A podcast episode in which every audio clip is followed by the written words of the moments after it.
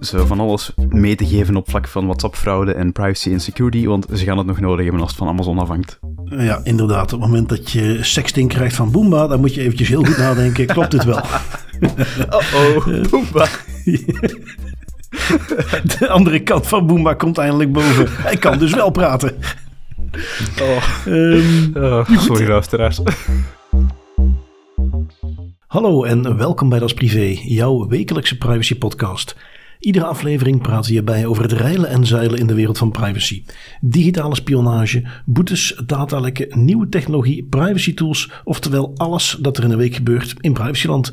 Ik ben Bart van Buitenen en hoe kan het ook anders natuurlijk weer met Tim van Haren hebben wij het privacy nieuws van deze week gecureerd en eruit gehaald wat er echt toe doet. Voorlopig nog niks te merken van komkommertijd. We kijken naar een leuke reportage over het gebruik van bodycams bij de politie in Nederland. Strava wordt nog maar eens misbruikt voor militaire spionage. En de volgende draconische surveillance-wetgeving van België sneuvelt. De omzetting van de PNR Directive over passagiersgegevens in de luchtvaart. We hebben verder nog wat leukere andere verhalen rond privacy en AI. Wat eh, privacy uit de oude doos komt nog eens voorbij. En het antwoord op de vraag: wat hebben Megamindi, K3 en Samson en Marie gemeen? Jawel, we gaan full Studio 100. Nu, eh, voordat we dat doen. Gaan we nog eventjes een, eh, een klein corrigendum doorvoeren. Dus te zeggen, ik, ik had in de vorige podcast, vond ik dat ik dat niet duidelijk genoeg had gezegd. En dat dat eh, ehm, toch niet helemaal, eh, ja goed, niet, niet goed overkwam over die dataretentiewetgeving. Ehm want ik had er aangegeven, ja die is nu gestemd. Nu voor de duidelijkheid, die is gestemd in de commissie Justitie. Die is gestemd in de eerste lezing. Op aanvraag van Sophie de Wit, een parlementslid, wat ik ook in de besprekingen kort live aan het werk had gezien toen ik die op, mijn, op de livestream had. Die daar toch wel mee begaan is en, en de goede vragen stelde. Komt er ook een tweede lezing. En dan moet die nog officieel gestemd worden in het parlement. Dus ehm, we zijn er nog eventjes. We hebben nog ruimte om daar wat dingen aan te veranderen. En dat had ik in de vorige aflevering niet goed gezegd. Dus bij deze toch even gecorrigeerd. Ehm, voor de liefhebbers hebben we ook in de show notes een linkje deze keer. eh, om die, eh, hetgeen wat in de eerste lezing is aangenomen, dat kun je nog eens nalezen.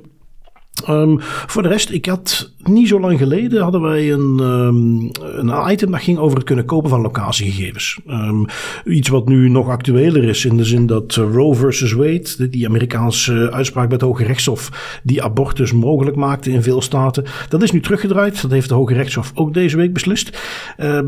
Dat betekende, en dat is iets waar we dat item dan over ging, eh, waar ik naar verwees, dat het belangrijker werd dan ooit dat er goed omgegaan wordt met bijvoorbeeld locatiegegevens, omdat een van de dingen die misschien tot een paar maanden geleden geen heel bijzonder gevoelig gegeven was geweest, eh, of toch niet meer dan eh, dat het nu zeker is, eh, als je naar Planned Parenthood was geweest. Dat is in Amerika die organisatie die, waar je onder andere terecht kunt voor advies, abortussen.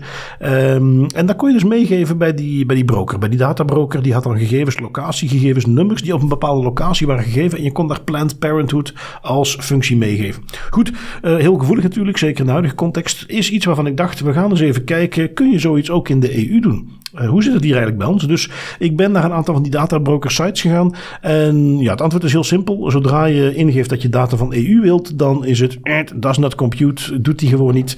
Ehm, Tim, wat zeggen wij daarop? Thank God for GDPR. Juist, inderdaad. Want dat is natuurlijk heel duidelijk de reden waarom het dat hier niet kan. Dat wil niet zeggen dat je daarom niet op een andere manier misschien aan dat soort gegevens kunt komen. Maar dus de, de makkelijke manier hoe je gewoon in Amerika, want dat is wat die journalist van het item destijds ook deed. Hoe je gewoon naar een website kunt gaan. Daar een bepaalde locatie of een branche of een, een soort winkel in kunt geven. En gewoon toegang krijgt tot telefoonnummers en mensen die daar aanwezig waren. Omdat dat door zoveel apps allemaal doorgespeeld wordt. Dat, eh, die vliegen gaat dus niet op in, de, eh, in Europa. En daar hebben we inderdaad onze wetgeving voor te danken. Goed, de uh, artikeltjes die we deze week hebben meegenomen. Ik um, begon bij iets wat ik van de VPRO zag. Dat is een van de publieke omroepen in Nederland. Die hebben een ja, onderzoeksonderdeeltje. Uh, waarbij ze ja, documentaires, onderzoeksreportages publiceren. Dat heet Argos. En deze keer ging het over bodycams. En het is iets wat we al vaak besproken hebben. In die zin dat ik het ook altijd meeneem in mijn klassieke voorbeeldje van ja, die discussie hoe ver moeten we gaan als het gaat om camera's plaatsen en alles in de gaten houden. En ja, uiteraard als wij iedereen een bodycam zouden omspelden. En die moet daarmee rondlopen. Ja, dan hebben we nog meer data. Kunnen we nog meer eh, videobeelden gaan bekijken. En dan wie weet hoeveel misdaad we kunnen uitroeien. En, maar dat is toch iets waar we het over eens zijn. Niet iedereen moet met een bodycam gaan rondlopen. Dat zou te ver gaan. Um, in die context zie je dat het bij politiediensten uh, een discussie is die zeker in Amerika al heel vaak is gevoerd. Het dragen van bodycams. En is ook iets wat, wat de laatste jaren geëvolueerd is. En daar gaat die reportage over. Waarbij ze ook even kijken uh, hoe is dat begonnen. Ja, dat ze kijken naar eerste invoering in 1970. 1997, waar bodycams nog echt zoiets waren waar je gewoon met een draad rond moest lopen. Of waar de batterijen het bijna nooit vol hielden, langer dan een half uurtje. En waar het dus echt hele grote beperkingen met zich meebracht. Naar een opschuiving eh, onder Barack Obama, waar daar meer dan 200 miljoen voor werd vrijgemaakt om daar budget te hebben om die dingen uit te gaan rollen. Zijn daar grote sprongen in gemaakt. Zoals je vaak ziet in, in ook een markt, want dat is natuurlijk weer gewoon een markt waar een producent in moet springen. Op het moment dat er ineens vraag is, dan ontstaat er ook een, een drive om daarin te ontwikkelen. En dat gebeurde. Dus bodycams werden kleiner, werden accurater, hadden hogere kwaliteit, hadden een hogere batterijduur. Dus werden op allerlei manieren bruikbaarder. En wat ik interessant vond, wat ik eigenlijk ook niet op die manier wist, ik, ik zat daar vooral in het Amerikaanse denkbeeld. Want in Amerika is dat een accountability tool. Oftewel, een bodycam gaat helpen om een agent ter verantwoording te kunnen roepen. Die zijn verplicht, die moeten altijd aanstaan. Op het moment dat een agent zijn bodycam niet aanstaan, heeft hij heel wat uit te leggen. En die kunnen naar de rand gebruikt worden om dus te onderzoeken wat er gebeurd is. Um, in de bekende zaak van uh, George Floyd, die, die, die zwarte man die ja, in feite gewoon gedood werd door politie agenten die schreeuwde I can't breathe, I can't breathe. En dan uiteindelijk werd hij alsnog met een knie in zijn nek uh, tegen de grond gehouden. Nou, dat bleek ook uit de beelden die die agenten bij zich hadden uit die bodycams. Dus belastend materiaal, accountability. Mensen ter verantwoording kunnen roepen. Wat blijkt nu, of in ieder geval wat is voor mij nieuw toen ik die eh, reportage zag en ook het artikel wat erbij hoort, is dat dat eigenlijk in, in de testen die ze in Nederland hebben gedaan eh, precies omgekeerd was. Dat is geen accountability tool waar, om, om agenten ter verantwoording te roepen. Dat is eigenlijk een antwoord geworden op het, het fenomeen dat steeds meer mensen in het straatbeeld, zodra ze politie zien, ook met hun camera klaarstaan. En je hebt in Nederland zo'n eh, website, dumpert.nl, die daarom bekend staat, waar mensen van allerlei allooi dan video's uploaden van politie ingrijpen Natuurlijk, zoals het dan uh, dat soort beelden betaamt, uh, wordt daar vaak het stukje wat eraan vooraf ging afgeknipt. Dus je krijgt alleen maar te zien dat de politie uh, soms zelfs een beetje door het lint ging. Wat ze dan niet laten zien, is dat daarvoor ze in hun gezicht gespuugd waren en in een ballen geschopt waren, bij wijze van spreken. En dat ze dan vervolgens keihard ingrepen. Um, als antwoord daarop is men dus met bodycams gaan werken. Dat men het de, de, de, tegenverhaal kon laten zien. dat ze kon laten zien, kijk, dit is wat eraan vooraf ging. Dit is niet de politie die zomaar uit het niets ineens ineens begon te mappen op een stel uh, vredige demonstranten die niks hadden verkeerd gedaan. Je ziet hoe ze eerst een steen naar hen toe gooien of wat er ook aan vooraf ging. En met die insteek zijn ze dus begonnen met die bodycams. En dat betekent dus ook dat die bodycams vrijwillig zijn. Uh, en agenten zijn daar niet toe gedwongen. Uh, agenten kunnen ook kiezen of ze die alleen maar bij zich dragen als een soort afschrikkingsmiddel. Dat uh, omstanders en dergelijke weten van, oh wacht eens even, ik word misschien gefilmd, ik zal me maar inhouden. Waarvan blijkt ook uit die reportage bewezen is dat dat werkt. Um, maar dat ze er ook voor kiezen, dus kunnen kiezen om die vervolgens gewoon niet aan te zetten. Dat vond ik interessant. Dat vond ik iets, iets heel anders. En ja, opnieuw, omdat ik dus altijd dacht, die bodycams die worden ook hier ingezet met hetzelfde idee. Daar kun je mensen ter verantwoording roepen. En dan, ja, dat blijkt dus toch uh, omgekeerd te zijn.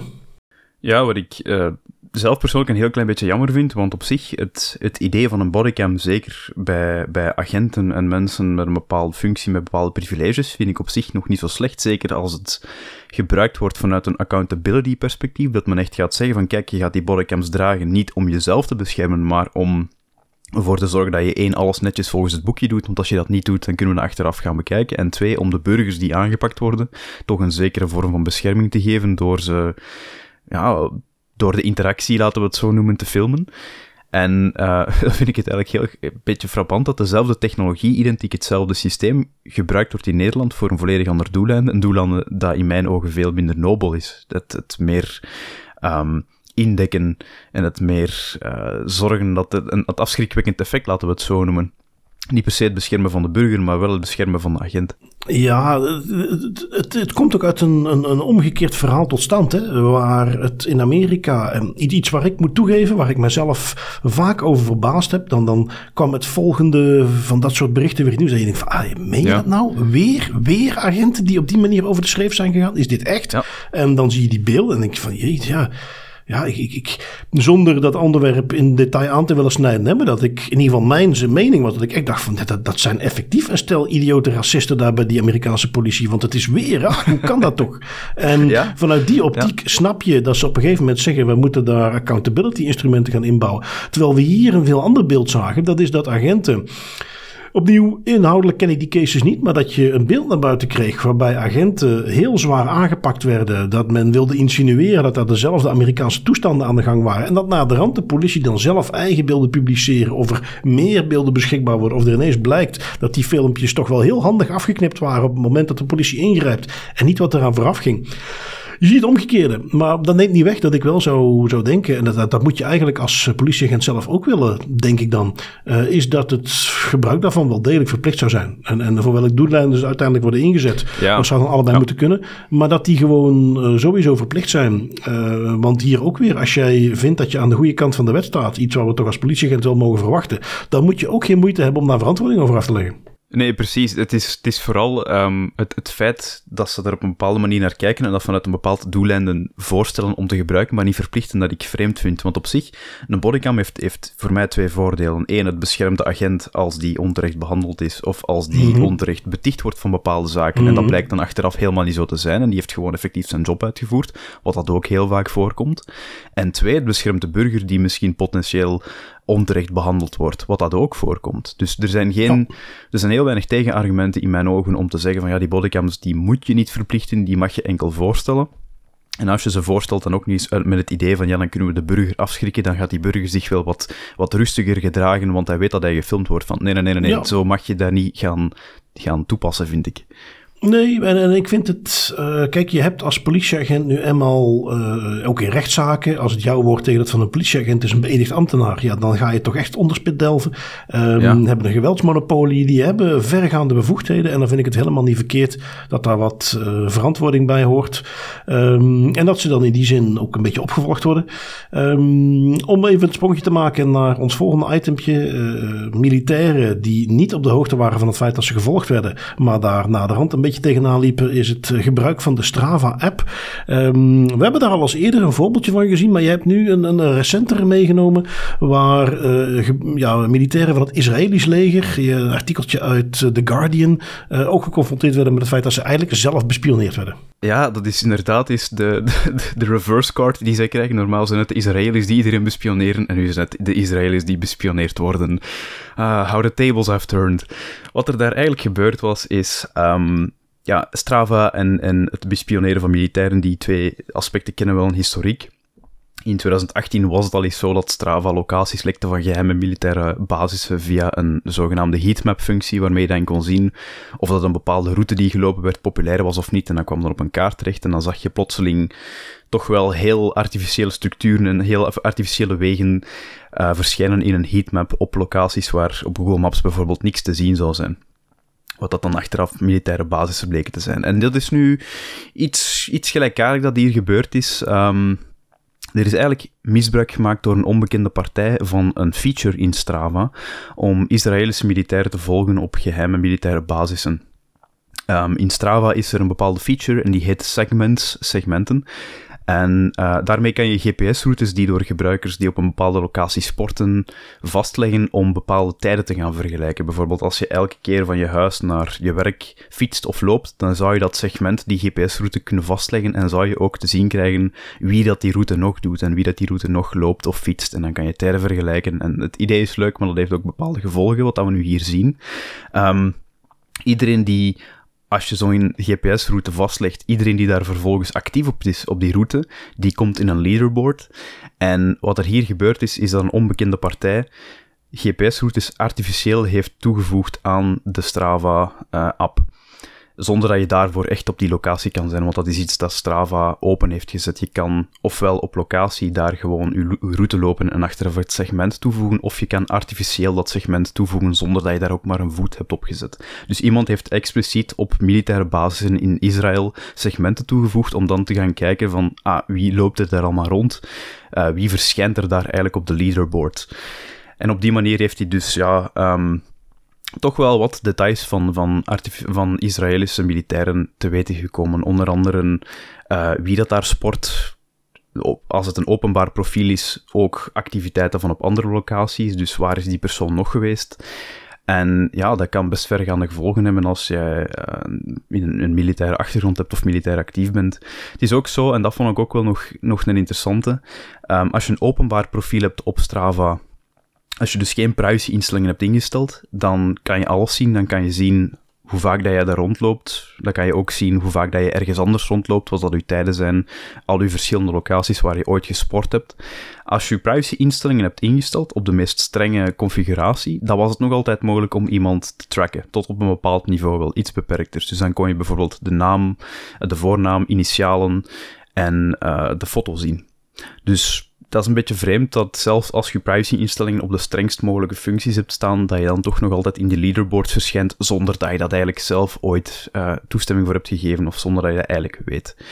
En op die manier heeft een onbekende partij Israëlische militairen eigenlijk kunnen volgen. Ja, apart, want uh, ik heb Strava zelf ook een tijdje gebruikt. Ik heb er nu ondertussen, goh, was al een halfjaartje geleden, heb ik hem eraf gegooid. Um, maar in ieder geval, daar had ik de instelling zo gedaan, dat, dat al die social features, dat was, dat was gedeactiveerd. Leaderboards ja. deed ik niet aan mee. Uh, dus je zou dan verwachten dat dat, dat, dat toch echt niet gebruikt wordt. Maar goed, als we dit artikel uh, goed volgen, dan zou het dan toch op de een of andere manier erbij komen. nu goed, voor mij betreft geen vrees. Ik kom niet in leaderboards, maar dat terzijde. het is wel typisch dat zo'n eh, Strava-app daar toch weer voor gebruikt wordt. Eh, want eh, je zei het al, in 2018 was dit alles het geval. Toen hebben ze ook uh, via hetzelfde soort uh, analyses achterhaald van... hé, hey, hier zien we op een plek waar volgens Google Maps helemaal niks hoort te zijn. Zien we uh, dat hier allerlei mensen rondjes aan het rennen zijn. Dat zou wel eens een basis kunnen zijn. Dan zou je toch mhm. verwachten, ik bedoel, hoe moeilijk is het alle militairen wereldwijd op die basis, uh, jongens, we gaan even een nieuwe guideline toevoegen aan onze uh, Portable Devices Policy. Geen GPS-tracking als je gaat hardlopen. Geen gebruik van uh, Strava-achtige apps. Ik bedoel, dat kan toch niet heel moeilijk zijn om dat als regel door te voeren, dat iedereen zich daar netjes aan houdt. Nee, nee, dat zou je verwachten. En um, als ik het mij goed herinner, in 2018 was dat effectief wel iets dat het Pentagon heeft gedaan. Dus ze hebben een bepaald uh, advies op bevel uitgestuurd naar militairen op bepaalde basissen dat zij moeten letten op bepaalde mobiele applicaties die data gewoon publiek maken. Waaronder Strava, als gevolg van die heatmap-functie die dan van alles lekte. Maar blijkbaar hebben de Israëli's de memo niet gehad en is er op die manier toch het een en ander naar buiten gelekt. Maar het is het, kaart eigenlijk een, een groter punt aan, hè, dat je soms niet altijd weet wat er allemaal publiek vindbaar is.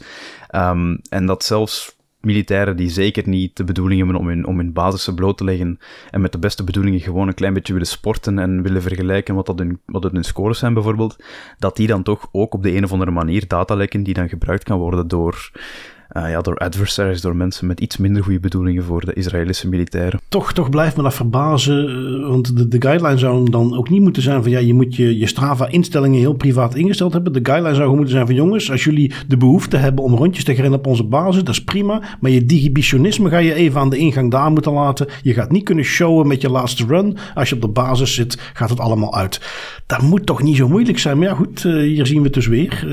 dat blijft dan toch een issue. Ja, inderdaad, inderdaad. Dat is, het, is, het is gek. Het is echt iets des mensen. Overal ter wereld blijkt dat een dingetje zijn van we willen toch nog onze dingetjes kunnen gebruiken, onze digitale apps. Tuurlijk, tuurlijk. Want anders bestonden apps zoals Instagram en TikTok en dus Strava, die bestonden dan niet. Dus natuurlijk, maar toch, dat, zou toch iets moeten zijn wat je in een militaire context, op een, op een militaire basis, toch in de kop, zou moeten, de kop in zou moeten kunnen drukken. Maar goed, uh, ongetwijfeld zal uh, de, de, het Israëlisch leger of, of de Mossad misschien daar nu wel wat strenger op gaan toezien. Ja, die zullen daar niet mee kunnen lachen, dat is waar. Nee, nee, nee, nee, inderdaad. Die zullen daar niet om kunnen lachen, denk ik.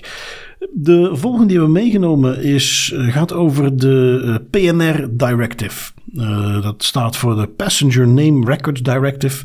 En zoals het dan betaamt bij Europese wetgeving, we hebben een directive. Europa die zegt, dit is wat we graag willen dat jullie doen, maar je maakt er je eigen wetgeving maar voor. En een regulation, zoals de GDPR, wat gewoon Europese wet is wel. Dit is dus zo'n directive, die moet omgezet worden naar nationale wetgeving. En dat heeft België ook gedaan.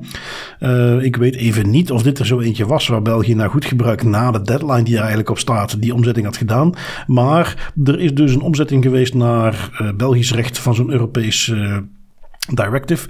Um, dit gaat over het bijhouden van gegevens van vliegtuigpassagiers. Um, waar de uitspraak nu over gaat, dus bij het Europees Hof van Justitie, is die wet eigenlijk, uh, ja, ik zeg die voor een groot deel onwettig is, wat daarin staat. Um, uh, we staan dus nu bij dat uh, gegevens van vliegtuigpassagiers alleen voor strafonderzoeken naar terrorisme en ernstige criminaliteit kunnen worden opgevraagd. tot nu toe werden die jarenlang bewaard. vluchten van alle burgers die werden bijgehouden, jarenlang. Um, waar men dus nu heeft gezegd van ja, in beginsel mogen die niet langer worden bijgehouden dan uh, zes maanden. En dat gaat dan om burgers, niet EU-burgers, niet Europese vluchten moet ik eigenlijk zeggen. Uh, passagiers van vluchten binnen de EU. Daar mogen de gegevens alleen van bewaard worden als er een acuut risico op een terroristische aanslag bestaat. Of als er een bijzondere omstandigheid de opslag rechtvaardigt. En dus de default van we gaan dat zo lang bijhouden, die moet er nu uit. En ja, dat is, eh, best wel uh, interessant. Dat is iets wat dus ja, wat opnieuw al, al een tijdje bestond, wat men bleef doen. Uh, waar de Liga voor de Mensenrechten onder andere ook zich partij had gesteld om dat dus aan te gaan vechten.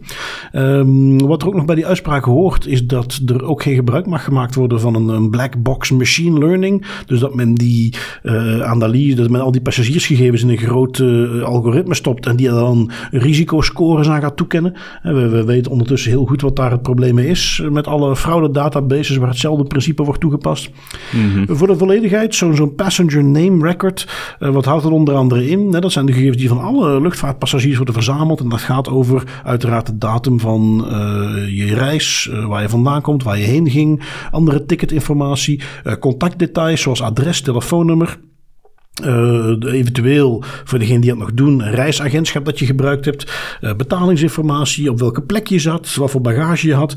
Dat zijn allemaal dingen die in de, de, de passenger name records uh, inbegrepen kunnen zijn. En ja, het is dus nu iets waar, want dat stamt uit een wetgeving al april 2016 werd die aangenomen, die dus oorspronkelijk alleen maar bedoeld was, maar we kennen dat ondertussen, voor de, de preventie, detectie, onderzoek en vervolging van terroristische activiteiten of zware criminaliteit. Werd dus veel te lang bewaard. Werd uiteindelijk in de praktijk ook voor heel veel andere zaken uh, gebruikt. En is dus nu iets waar in ieder geval de, de Belgische omzetting daarvan uh, weer teruggefloten is.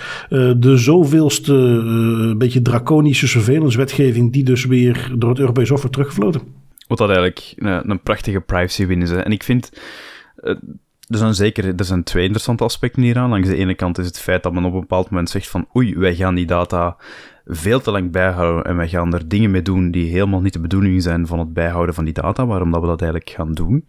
Um, dat gaan we terugfluiten. En ook iets anders dat ik interessant vind, dat echt een, een, een probleem aan het worden is, nog altijd, is die black box machine learning algoritme.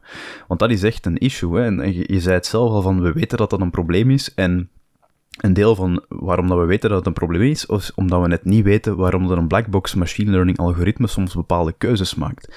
En dat, maakt. dat is het eigen aan een blackbox algoritme. Je smijt daar een hele hoop data in. Je traint een algoritme om bepaalde beslissingen te maken tot als daar een, een resultaat uitkomt dat gewenst is, dat hetgeen is wat je naar zoekt. En dan laat je dat ding los op live data op een echt model.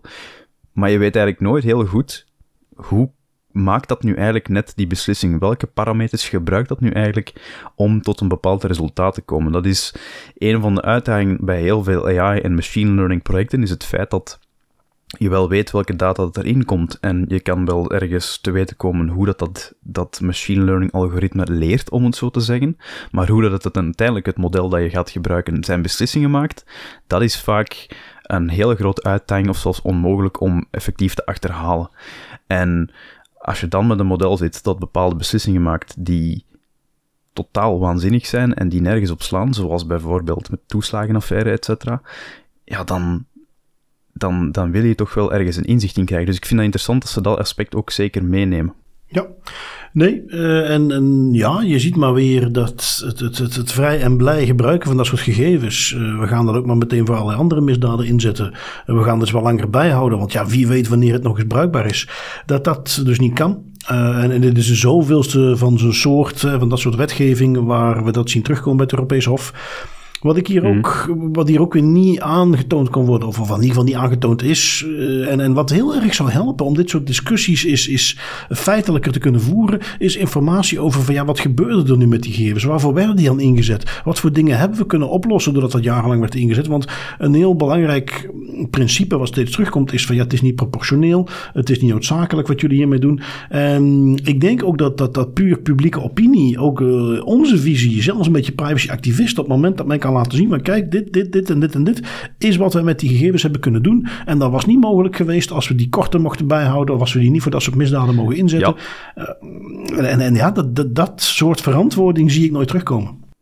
Ja, en, het, en het, het feit dat die verantwoording vaak niet terugkomt, zegt het in mij eigenlijk al. Want als, het, als ze dat wel konden doen, hadden ze het denk ik wel gedaan. Maar het feit dat ze het niet kunnen doen, bevestigt nog maar eens dat dat eigenlijk, inderdaad, zoals je het al zei, draconische wetgevingen zijn die iets te ver gaan. Ja, en dan wil ik nog niet eens zeggen dat uh, het niet zo is dat hier misdaden mee opgelost worden. Maar dan wil ik zeggen dat de stap nog een eentje terug die je moet doen om dat te kunnen laten zien, is dat je het moet beginnen met het überhaupt te meten en bij te houden. Ja. Dat zelfs dat niet gebeurt. En ja, dat is iets waar men toch eens heel snel mee vooruit zou moeten gaan. Dat is hetzelfde punt met de, met de camerabeelden. Hè. Bijvoorbeeld, Absoluut. als we de discussie van de camera's aanhalen, is dat ook altijd een van de zaken waar dan vooral vanuit de privacy-activistische hoek heel vaak naar gevraagd wordt. Van toon nu eigenlijk eerst eens aan dat dat effectief wel werkt, in plaats van altijd met, met emotionele redenen te komen.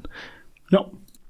Ja, en uh, goed, in, in, in, in beperktere zin en in een, een, specifiekere omgeving hoeft het dus helemaal geen probleem te zijn om met camera's te werken, om gegevens bij te houden.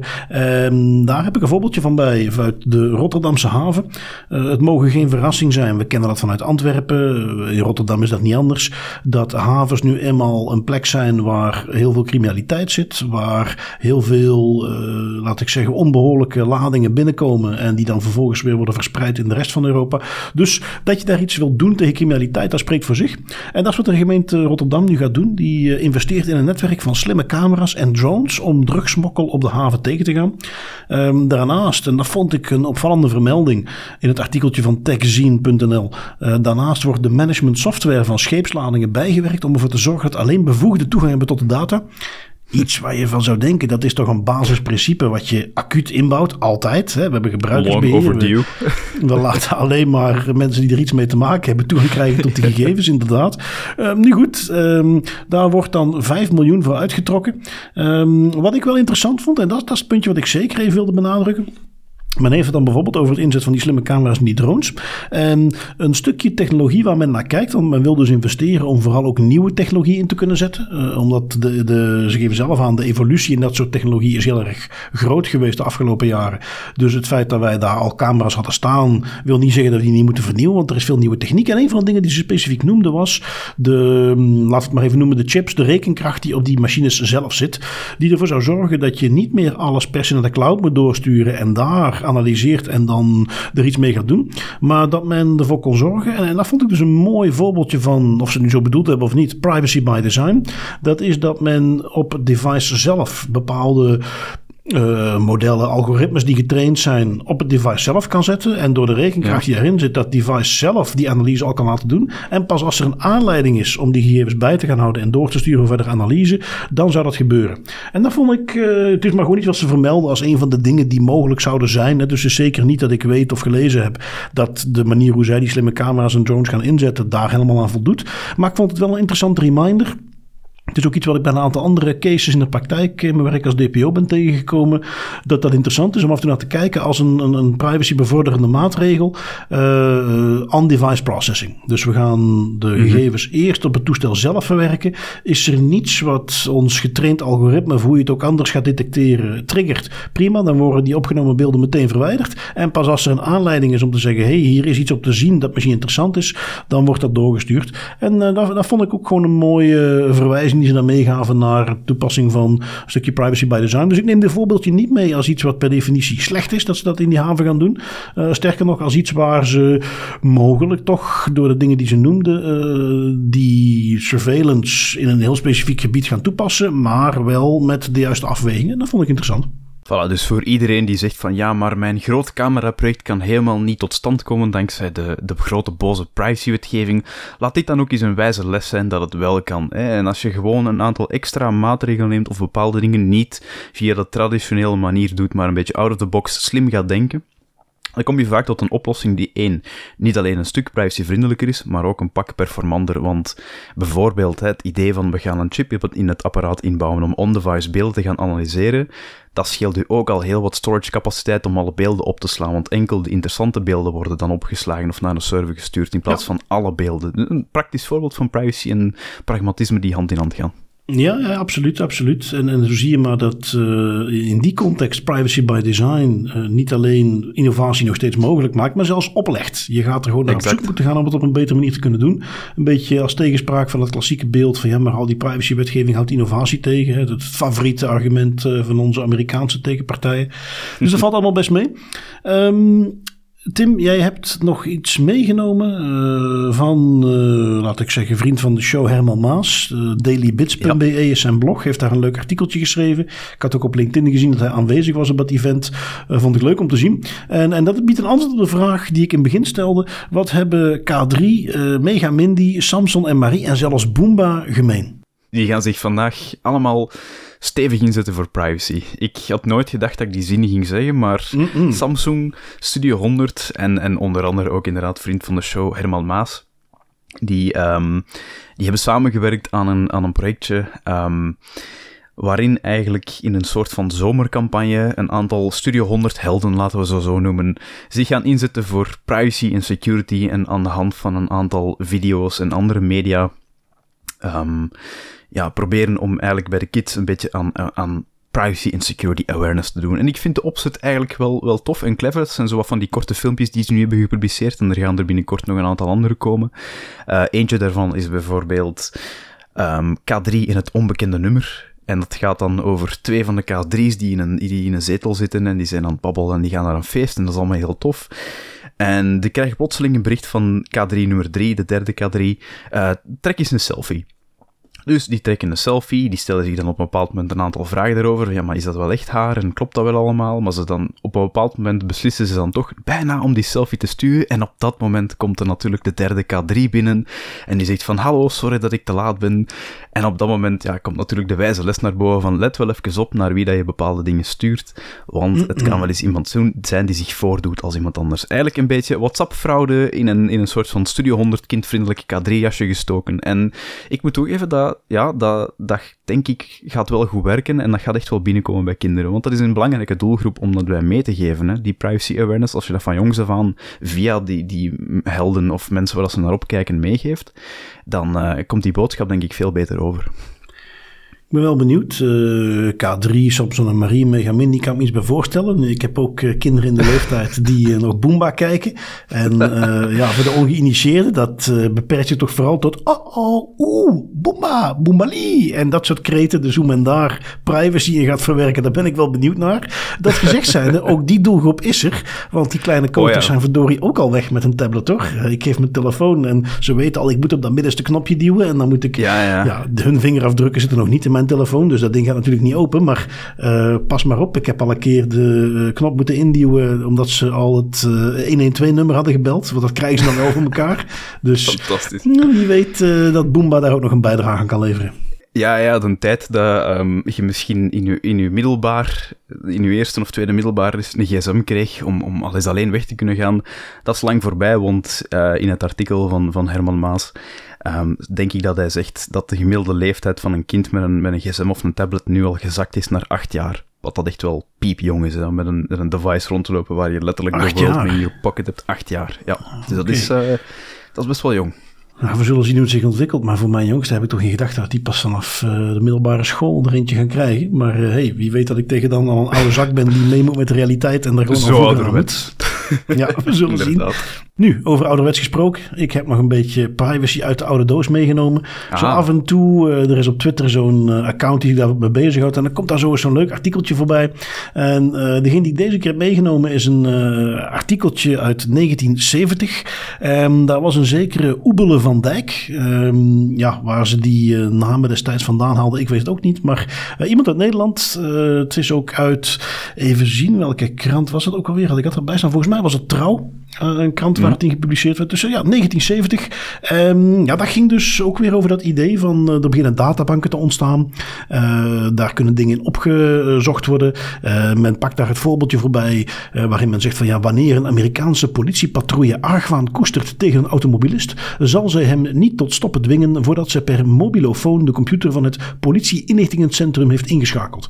Ja, dat is natuurlijk iets wat op dat moment nog niet via de gsm eventjes in de Focus-app opzoeken was, maar waar je dan via de mobilofoon uh, informatie ging opvragen. En in de centrale database kon men dat dan vervolgens opzoeken of die auto gestolen was.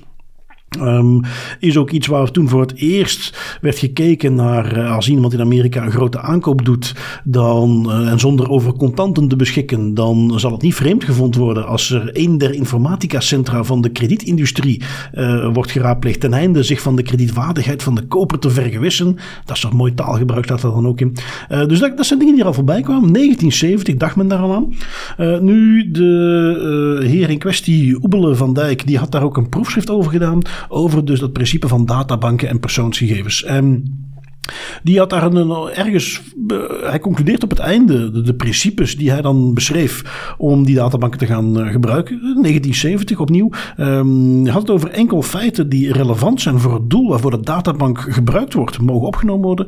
De gegevens moeten juist zijn en mensen moeten ook op de hoogte zijn van dat dit gebeurt. En ja, de oplettende luisteraar die herkent daar toch al een stuk of drie basisprincipes, eh, misschien zelfs vier, uh, in terug van wat we ook nu als de GDPR nog hebben. Um, je moet een duidelijk doeleinde hebben. De gegevens mogen alleen voor dat doeleinde gebruikt worden en mogen ook niet meer gegevens zijn dan nodig voor dat doeleinde. De gegevens moeten juist zijn en je moet er transparant over zijn. Mensen moeten geïnformeerd zijn. Dus dingen waar men op die manier in 1970 al over nagedacht heeft. Wat ik wel leuk vond is in dat artikeltje zat ook nog een beetje een soort tegenstelling. Iets, iets wat nu precies omgekeerd is. Want daar ging het erover dat uh, in de VS die discussie daar toen heel erg leefde. Um, want geeft Oebele aan in het artikel. Uh, hier is een nationaal nummer ingevoerd. Waar niemand echt uh, bij stil heeft gestaan of, of heel erg van wakker ligt. En in de VS is daar een hele grote discussie over. Um, ja, als je dan bekijkt hoe dat nu is gegaan. De laatste jaren is dat in Amerika is toch een beetje het voorbeeld geworden van veel dingen die wij bekijken. Over hoe je vooral niet om moet gaan met onze gegevens en privacy. Mm -hmm. en dat was toen kennelijk precies omgekeerd, omdat daar toen nog een heel heftige discussie woedde. Um, en dat vond ik wel een grappig, uh, grappig voorbeeldje. En ook even de, toch, toch onthouden dat dat uh, idee van een systeem met een uniek nummer voor iedere burger toch ook in 1970 al iets was wat al doorgevoerd was. Dus ja, dat vond ik leuk om dat gewoon nog eens eventjes die flashback te krijgen van hoe keek men in die tijd de opkomst van de computers aan uh, tegen privacy. Ja, damn, die Oebele van Dijk was gewoon een regelrechte privacy-visionair als je dat eigenlijk zo allemaal leest. Die had gewoon GDPR avant la lettre op bijna geschreven. Dat ja, is, uh... ja te, tegelijk was het niet zo'n uh, was niet zo'n visionair, want uh, hij, in het artikel blijkt van hem ook wel een beetje het idee van ja, mensen moeten zich allemaal niet zo druk maken. Dat zal zo vaak niet lopen en dat valt toch allemaal goed mee. Ah, en, never mind. natuurlijk die basisprincipes die hij opnoemt. Eh, de gegevens moeten juist zijn. Ja, we weten ondertussen dat dat niet zo'n evidentie is. Van gewoon roepen ze moeten juist zijn en dan zal het wel goed komen. Dat, daar zit hem net een van de grote uitdagingen. Um, maar desalniettemin, ook toen uh, zien we dus inderdaad die klassieke dingen die al uh, terugkwamen.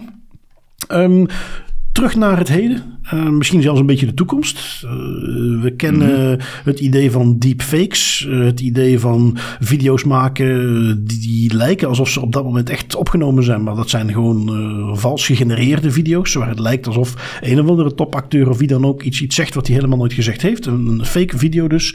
Um, Amazon dacht, weet je wat, laten we dat ook eens eventjes gaan doorvoeren op onze digitale assistent Alexa.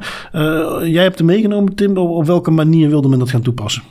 Uh, ja, op een, op een best wel interessante, misschien spraakmakende manier. Um, op een Remars-conferentie hebben ze gemeld dat het bedrijf werkt aan een, um, een, bepaalde functie om de digitale assistent Alexa de stem van een mens te laten imiteren, maar wat dat zij AI mimicry noemen. Het, het echt het, het naapen bijna van, van menselijke stemmen via AI. Ehm, en het systeem dat zij voorstellen is een systeem waarbij je een, een minuut audio van een bepaalde persoon input in Alexa. Alexa's AI-algoritmes daar dan mee te werk gaan en dan uh, kan je AI, kan je Alexa de, de stem van de persoon die je net hebt ingegeven laten, laten uitspreken. Dat is, ik vind dat een beetje vreemd. Uh, ik begrijp ook niet zo goed wat dat daar de, de eindtoepassingen van zijn, of wat dat daar het doeleinde van is, waarom dat je dat zou willen, dat iemand, dat een stem, een stem van een mens geïmiteerd wordt door Alexa. Ik zou überhaupt niet snappen waarom dat je Alexa in je living wilt zetten, maar dat is een hele andere discussie. Um, maar Amazon ziet het natuurlijk wel, ze zijn visionair en ze hadden al een heel idee van oké, wij weten hoe we dit kunnen gaan toepassen, jongens. We weten hoe dat we dat kunnen gaan doen. Dus wat dat hun gameplan is, is ze zeggen van kijk, Um, met Amazon Alexa kan je, kan je eigenlijk het, het, verhalen, het vertellen van kinderverhalen outsourcen naar Amazon. Je moet geen gebruik meer maken van je oma of opa of van je mama of papa. Je uploadt gewoon een minuutje aan audio van je geliefde en daar komt dan netjes een verhaaltje uit dat gesproken wordt alsof het de geliefde is die naast je zit, maar het is gewoon een koud machinetje dat die dingen aan het aflezen is via een text-to-speech algoritme. En ik, ik zeg het zo bijna, ik vertel het bijna dystopisch, maar dat is exact ook hoe dat ze het hebben voorgesteld op die Remars-conferentie. Het was een, een jongetje dat in zijn kamer zit en die vraagt aan Alexa: Alexa, kan je The Wizard of Oz alsjeblieft voorlezen in de stem van oma? En Alexa zegt: Oké, ik ga Wizard of Oz voorlezen in de stem van oma. En die begint daar inderdaad in de stem van een oud vrouwtje The Wizard of Oz te lezen. En ja, ik vond dat... Uh, zij hebben dat waarschijnlijk heel cool gevonden, maar ik vond dat vooral uh, een, heel vreemd en, en raar dat je eigenlijk menselijke interactie wilt vervangen door een stuk hardware. Ja, ik, ik kan me ook helemaal niet inbeelden hoe dit misbruikt zou kunnen worden. Ik, oh, nee. Je zou dus uh, een minuutje audio van iemand anders kunnen uploaden en dan gaat Amazon er wel eventjes uh, iets mee doen.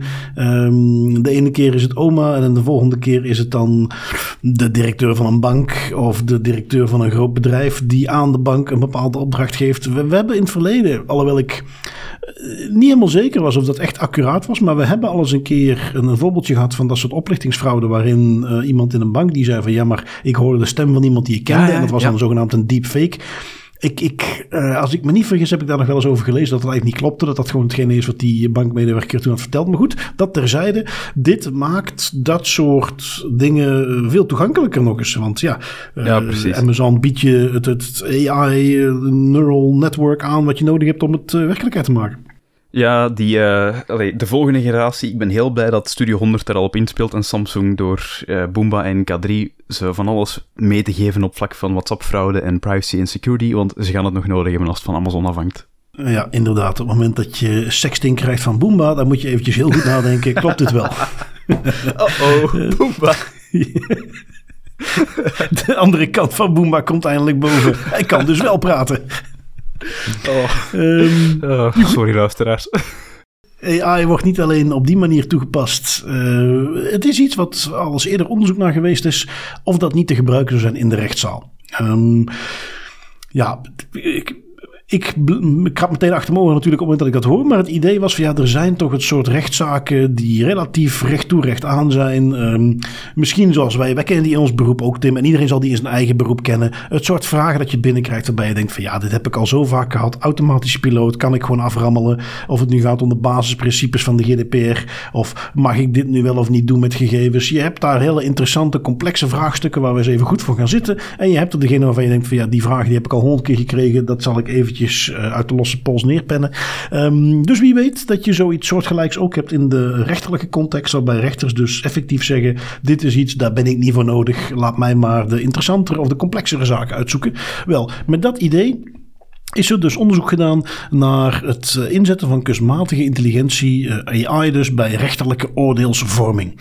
En opnieuw in 2018 was er al een onderzoek naar gedaan en dat stuitte toen op hele heftige weerstand. Maar nu heeft een eh, zekere Manuela van der Put, 57, zelf senior strafrechter, dus echt wel opnieuw echt uit de praktijk zelf. Dus die, die kent hier de achtergrond. Het is niet een of ander academisch onderzoekje van iemand die dacht van, oh dat moet toch kunnen.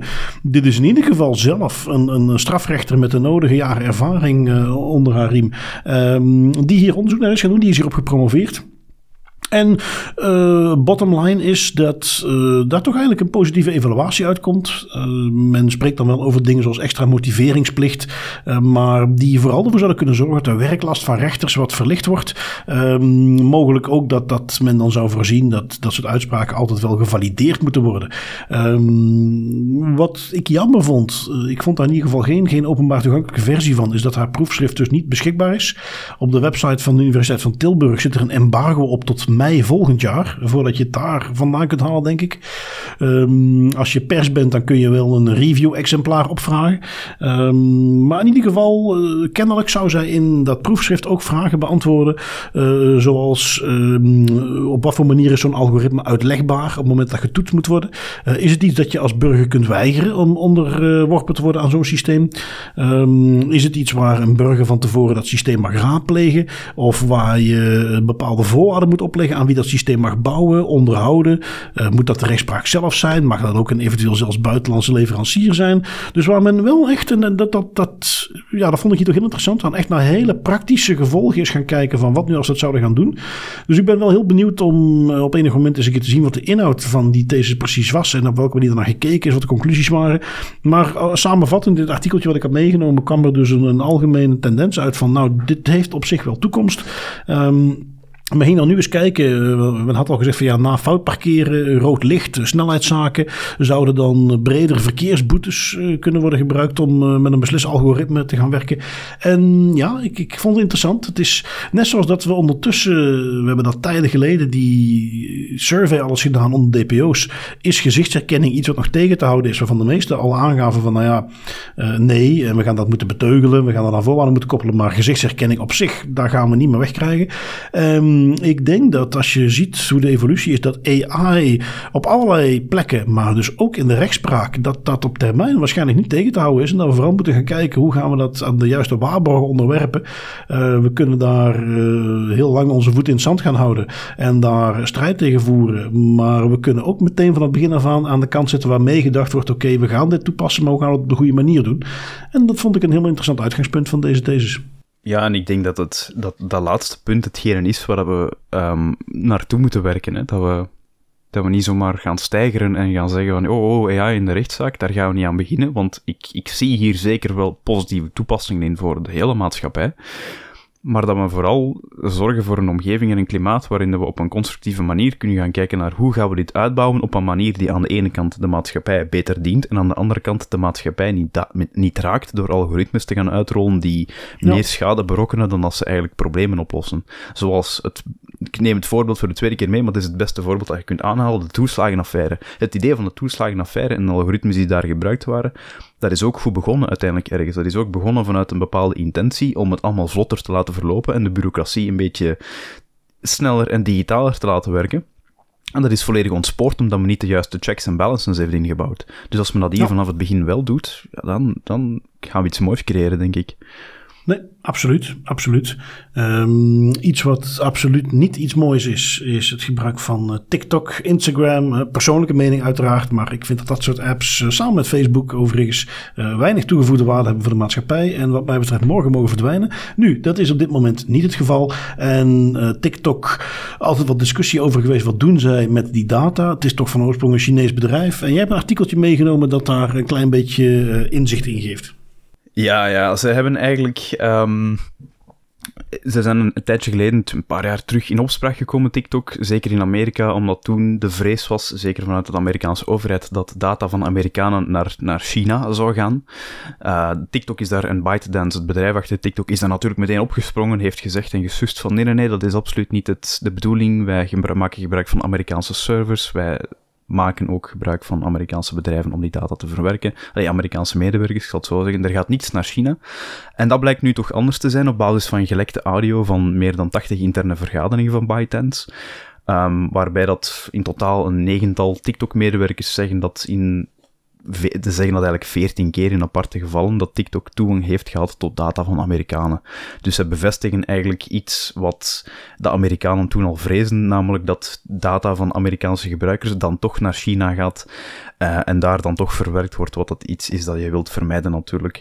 Opvallend daarvan, een van die medewerkers gaf tijdens een van de vergaderingen toe en, en aan dat alles in China gezien wordt Ehm, en er zou een bepaalde master admin in Beijing actief zijn die toegang zou hebben tot alle informatie van de TikTok-app. Wat dat, ja, dat is natuurlijk een beetje zorgwekkend, op zijn minst gezegd, en absoluut niet iets, iets wat je wilt. Saillant detail daar nog bij.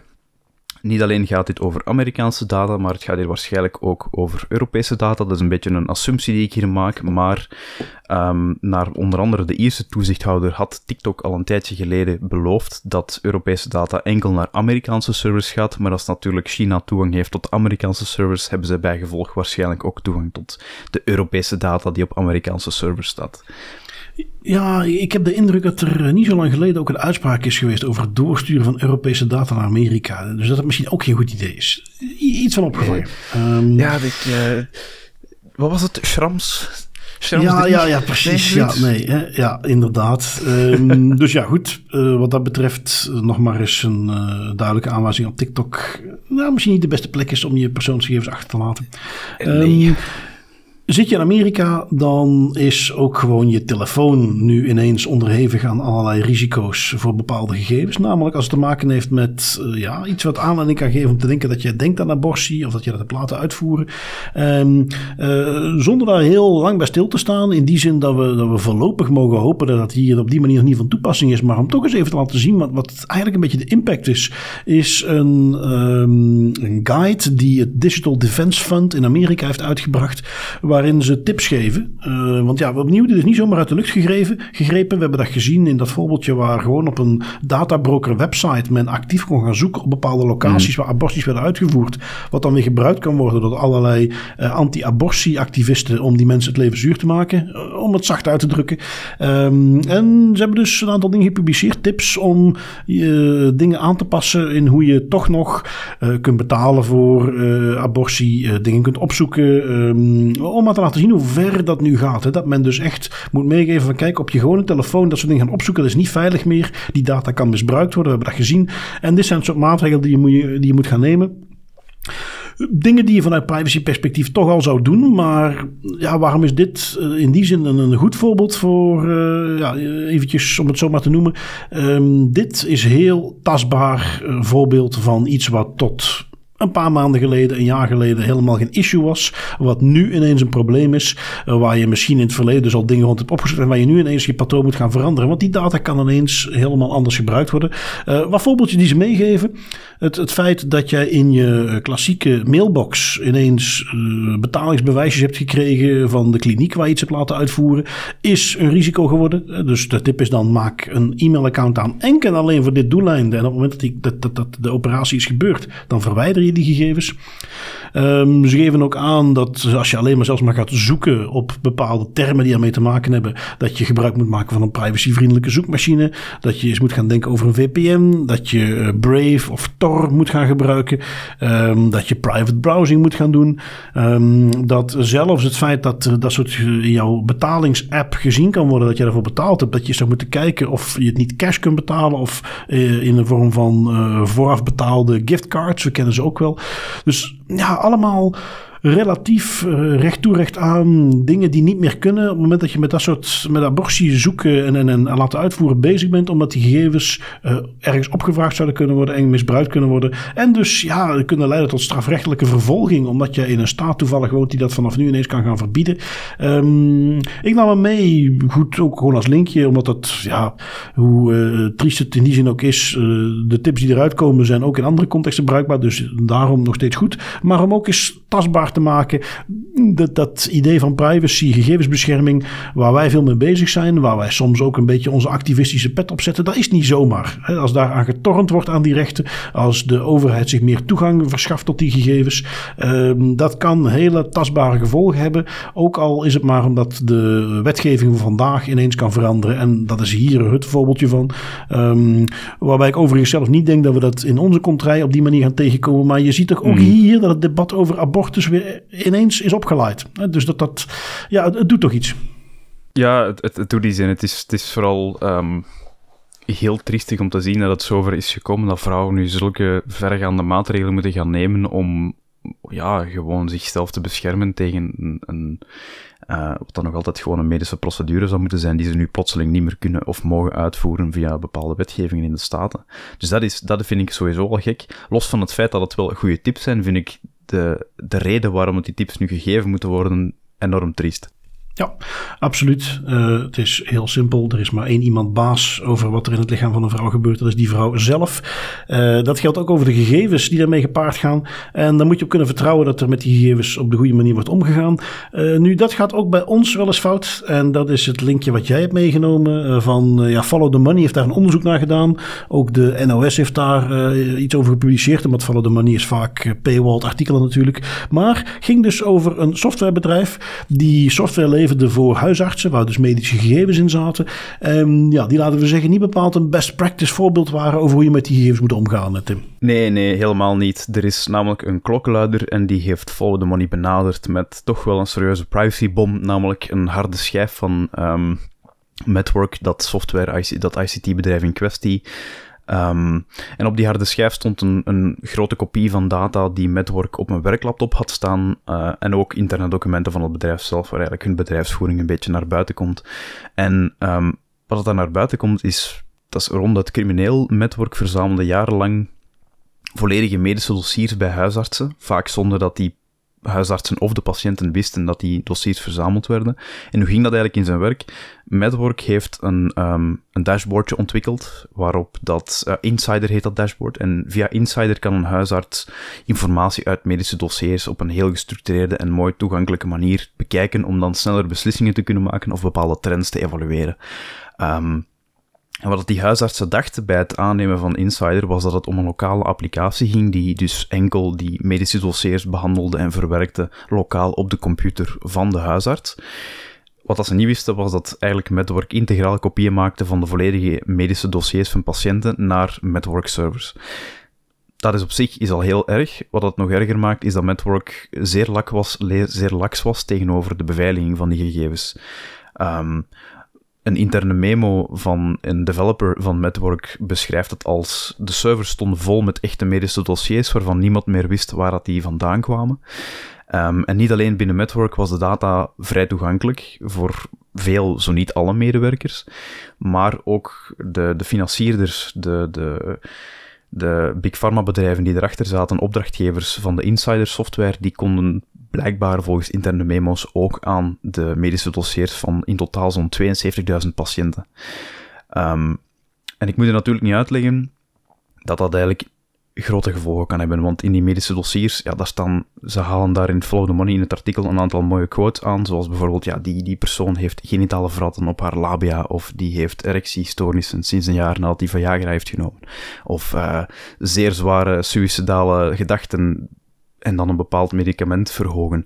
Dat gaat echt ver en dat is echt ja, de, diepste geheimen en de diepste medische informatie van een persoon die eigenlijk behandeld wordt als een handelswaar en volledig op de verkeerde, foute manier wordt behandeld. Um, en wat het dus eigenlijk, ja, het, gaat van kwaad naar erger, want die data die wordt naar network servers gestuurd. Daar in die network servers kan elke medewerker daaraan. Het maakt allemaal niet uit. Ze behandelen het alsof het niks is. En die data gaat dan ook nog eens naar de, de big pharma bedrijven die eigenlijk een stukje de ontwikkeling van Insight en de ontwikkeling van network sponsoren. De grootste kwaaddoener daar is GlaxoSmithKline of GSK. Um, ehm, was met stip de grootste financierder van het bedrijf en heeft op een bepaald moment ook een volledige kopie genomen van Metworks complete database. Al bij al, dat is niet iets dat je wilt horen als je bij een huisarts komt en op een bepaald moment te horen krijgt dat je data gewoon als een of andere goedkope handelswaar verhandeld wordt. Um, inzichtelijk was voor heel veel mensen die daar helemaal niet in moesten zitten met naam en toenaam. En nu eigenlijk al uw, uw ja, intiemste geheimen en uw intiemste medische informatie open en bloot ligt en God weet waar ligt. Ja, ik denk dat we dat rustig kunnen stellen. En het uh, enige goede nieuws wat we hier dan kunnen melden, wat ergens vreemd is, want dat bedrijf moet toch flink verdiend hebben aan wat ze deden met die gegevens. Maar dat is dat Network ondertussen in 2020 al failliet is gegaan. Uh, dus nou ja, eind goed al goed in die zin. Uh, natuurlijk niet voor de mensen hun gegevens. Um, maar ja, goed, ja, wat kunnen we er nog over zeggen? Het klassieke risico van dat soort gegevens in de cloud stoppen. Dat moet aan de ene kant echt niet tegenhouden dat we dat soort gegevens breder toegankelijk moeten maken. Mits toestemming, mits goed beveiligd. Dat dat echt voordelen heeft voor een patiënt, ben ik ook van overtuigd. Maar uh, dit soort voorbeeldjes helpen niet om het vertrouwen van de patiënt te winnen dat dat noodzakelijk is. En 100% te voorkomen. Het zijn echt hele basic dingen die eigenlijk nooit mogelijk moeten zijn. Wat hier nog eens naar boven komt, wat echt wel een, een probleem lijkt te zijn, is het feit dat uh, die huisartsen ook helemaal niet wisten wat voor soort software dat zij gebruiken en wat er dan gebeurt met die data. En dat is niet per se een, uh, een steek naar de huisartsen. Kunnen ook niet verwachten dat die alles weten. Zeker ook niet op, op technisch vlak. Maar wat dat hier dan echt wel ontbreekt, is een soort van, in mijn ogen, een soort van orgaan dat dat probeert te gidsen, dat bepaalde applicaties of dashboards of software gaat evalueren en een soort van stempel erop plakt van, kijk, dit kan je gebruiken als huisarts, dit is goed en dit is niet goed. Dat zou eigenlijk een heel, een heel groot deel van de problemen oplossen, hè, want dat is er nu niet. Ja, ja, ja. En, en, tegelijkertijd, uh, wat deze leverancier deed met die gegevens, ja, daar hebben we al een kader voor. Hè? Dat heet GDPR, dat heette daarvoor de ja. privacywet. Dat had hij gewoon ja. nooit mogen doen. Maar het is de handhaving ervan. En het is natuurlijk, en dat is iets wat we nu ook steeds meer zien, uh, zo'n partij, wat dan een verwerker heet in GDPR-terminologie. Uh, het is niet ja. voldoende dat je daar een contract mee hebt wat voldoet aan de vereisten uit de GDPR. Je moet ook gaan vaststellen dat die goed met die gegevens omgaan. En daar zit je met een, een, een probleem maar dat is niet iets wat de GDPR kan oplossen. Maar dan zie je gewoon dat er een, een, een verkeerde balans is tussen wat een, een, een doorsnee huisarts gaat weten en gaat kunnen verifiëren. En wat uh, zo'n leverancier, wat je daarvan mag verwachten. Daar zit een bepaald niveau. Ik heb dat ook bij een, een, een, leverancier van dat soort producten wel eens aan hen meegegeven. Er zit een bepaalde zorgplicht die je hebt. Omdat die balans, we weten gewoon, die zit niet goed. Jullie klanten hebben daar geen zicht op. En dus gewoon gaan zeggen aan de rand van ja, maar we zijn daar niet over geïnstrueerd. We hebben geen instructies gekregen om het op die manier te doen. Dan ga je niet meer wegkomen. Want je gaat zelf, jouw kennis en expertise zit er niet voor niks. Je gaat daar zelf mm -hmm. stappen in moeten doen om het uh, op de juiste manier te beveiligen. En dit soort uh, akkefietjes uh, onmogelijk te maken. Nu goed, een evolutie die we nog even te gaan hebben, denk ik. Um, want ook dingen zoals de homologatiecriteria. want dat, dat principe kennen we als je een huisartsenpakket aanbiedt, toch zeker in België. Moet dat door de homologatiecriteria. En pas recent, de laatste jaren zijn er ook security dingen aan bijgekomen. En uh, ik, ik, denk hier ook wel, zeker in deze industrie, dat we toe moeten gaan naar een systeem waarin daar dus ook meer GDPR-achtige verwachtingen in meegenomen worden. En waar die ook actief geaudit worden door de overheid. Dat daar een soort erkenning is dat als jij een huisartsenpakket bent, dat het niet aan de individuele huisarts moet zijn. Uh, of van mij part zelfs een huisartsenpraktijk om te zorgen dat dat soort dingen geaudit worden. Maar dat daar een overheidsentiteit is die daarvoor instaat. Want daar kun je gewoon niet op die manier neerleggen. Dan weet je dat het uh, verkeerd gaat lopen. Um, even zien, wel, dan is het ondertussen tijd voor onze autoriteit. You will respect my authority. We hebben dit keer een uh, autoriteitsrubriek die is voorbehouden aan de Garante. Uh, jij hebt yes. de eerste meegenomen, Tim. Uh, wellicht redelijk recht toe, recht aan, want we zien het doorheen heel Europa. Maar ook de Garante heeft ondertussen een beslissing genomen rond Google Analytics. Yes, en die beslissing is eigenlijk heel simpel. Ze gaan het gewoon simpelweg verbieden. No more Google Analytics in Italy. Ja, en, en, en daarbij heeft dus ook de, de garante, als ik me niet vergis, aan een aantal partijen dus opgelegd. Jullie moeten stoppen met die transfers. En oh ja. Uh, ja eigenlijk ga maar iets anders zoeken of, of neem maatregelen om het te voorkomen. Ja, daar, ga, daar volgen ze eigenlijk een beetje de Franse lijn in. Hè. De Franse, de KNIL, um, hebben ook een, een, uitspraak gedaan een tijdje terug waarin dat ze Google Analytics verbieden. En daar zeiden ze van, ja kijk, sorry jongens, maar de, de technische organisatorische die maatregelen die Google oplegt om die data te beveiligen, die is niet toereikend. Um, dit kan nog altijd niet door de beugel, dus ga maar een, andere, een ander alternatief zoeken. De garant heeft dit eigenlijk bijna één op één overgenomen, die redenering. Ja, goed. Zoals dus inderdaad al een aantal andere Europese autoriteiten, waarbij je zou verwachten, kan we dat niet gewoon eventjes in één keer voor ja, heel Europa op die manier uitspreken. Maar dat hebben we al vaker gezien natuurlijk. Uh, klassieker daarover is het autoriteit persoonsgegevens, die tot nu toe nog steeds niet verder komt dan mogelijk is het binnenkort niet meer toegestaan om gewoon analytics te gebruiken. In plaats van gewoon te zeggen, ach, er zijn al vier andere Europese autoriteiten die zeggen het kan niet, laten wij dat maar gewoon overnemen. Nee, nee, nee, daar moeten wij toch even zelf voor gaan zitten om diezelfde conclusie te bereiken. AP. Ja, inderdaad. Um, de Garante haalde het nieuws deze week ook nog met een andere boete die ze opgelegd hebben. Um, niet heel complex. 70.000 euro voor een zorgverleningsentiteit. Uh, een, een, een, klein hospitaal, uh, San Raffaele. Redelijk recht toe recht aan overtreding. Maar omdat het meerdere keren gebeurde uh, en omdat het zo voor de hand liggend is, hebben ze toch een stevige boete gekregen, vind ik. Uh, het ging namelijk over het versturen van een nieuwsbrief uh, zonder de geadresseerde af te schermen. Dus een open distributielijst. twee voorvallen waar men ook een datalek voor gemeld had, wel. Um, Eén keer 500 adressen, de andere keer bijna 100 adressen. Um, waar ook dus patiënten tussen zaten, waar afleidingen gemaakt konden worden over de hmm. kwaaltjes waar die patiënten aan leden. Door het feit dat ze op zo'n nieuwsbrief stonden. En ja, potentieel dus zeker gevoelige informatie. Um, dat is dus ook iets wat men meeneemt als een verzwarende omstandigheid, waardoor de boete wat hoger is geworden. Het feit dat het ziekenhuis nu wel ondertussen al maatregelen heeft genomen om dit voortaan te voorkomen, is iets wat weer meegeteld werd als een verzachtende omstandigheid. En uiteindelijk dus een boete van 70.000 euro voor dat Italiaanse ziekenhuis. Um, dan zijn wij toe aan onze privacy pointers. Ik uh, kijk eerst even naar jou, Tim. Wat heb jij meegenomen? Uh, ik heb deze keer een, een heftige leestip meegenomen voor de hardcore privacy lovers. Echt voor de mensen die zeggen van ik wil een volledige deep dive doen, just throw it on me. Um, het is The Right to Privacy and Data Protection in Armed Conflict. Dus het, het recht op privacy en gegevensbescherming in een, een gewapend conflict. Niet toevallig met de hele ook, uh, crisis in Oekraïne dat er ineens gepubliceerd wordt van het NATO Cooperative Cyber Defense Center of Excellence. Het is in totaal 333 pagina's. Nu, beste luisteraars, als je zegt van daar wil ik mij aan wagen, ik zal het u al meegeven, niet alles is even interessant. Dat was het voor mij toch alleszins niet. Maar er zijn wel een aantal hidden gems daarin. Uh, bijvoorbeeld hoofdstuk 2 um, ehm, gaat onder andere over de uitdagingen in, verband met privacy en nieuwe ontwikkelingen als het op vlak van een armed conflict aankomt. En um, ja, ik vind de argumenten dat ze daar aanhalen van wat zijn nu de zaken, de, hoe komt het dat privacy en gegevensbescherming in het gedrang komt als een oorlog zich ontpopt bijvoorbeeld, of als er een gewapend conflict ergens in een gebied is, dat vind ik wel zaken die interessant zijn om mee te nemen, omdat die ook relatief actueel zijn met, die hele, met dat hele gedoe in Oekraïne, dat helaas nog altijd door blijft gaan. Dus ik moet het zeker niet allemaal lezen, maar er zijn sommige stukken wel, wel interessant. Oké, ja, actueel kunnen we zeker zeggen. Um, ik heb er eentje meegenomen, laat ik zeggen, een, een hele simpele tip. Um, vandaar dat ik ook twee meegenomen deze keer. De ene is heel recht toe recht aan en ik gebruik Signal en daar kan dat Wire, kan dat volgens mij ook. WhatsApp weet ik niet of dat die functie heeft. Uh, maar dat is het gebruik maken van disappearing messages. Met andere woorden, iedere, en ik moet toegeven dat ik dat uh, recent nog eens even nagekeken bij mezelf, omdat ik dat toch, die setting heb ik wel gedaan, maar daarom niet iedereen met wie ik chat. En je kunt dat nu sinds een tijdje ook wel echt wel afdwingen als default voor nieuwe chats. Maar ik had er dus nog een paar oude waar dat niet het geval was. Disappearing messages. Ik heb al mijn gesprekken, in mijn geval in Signal, uh, in uh, iMessage is al een maand, heb ik beperkt tot vier weken. En daarna worden die gewoon, dus ik heb geen berichten ouder dan vier weken. Uh, als ik een fotootje belangrijk vind, ja, dan zal ik hem moeten opslaan, want vier weken later verdwijnt die gewoon.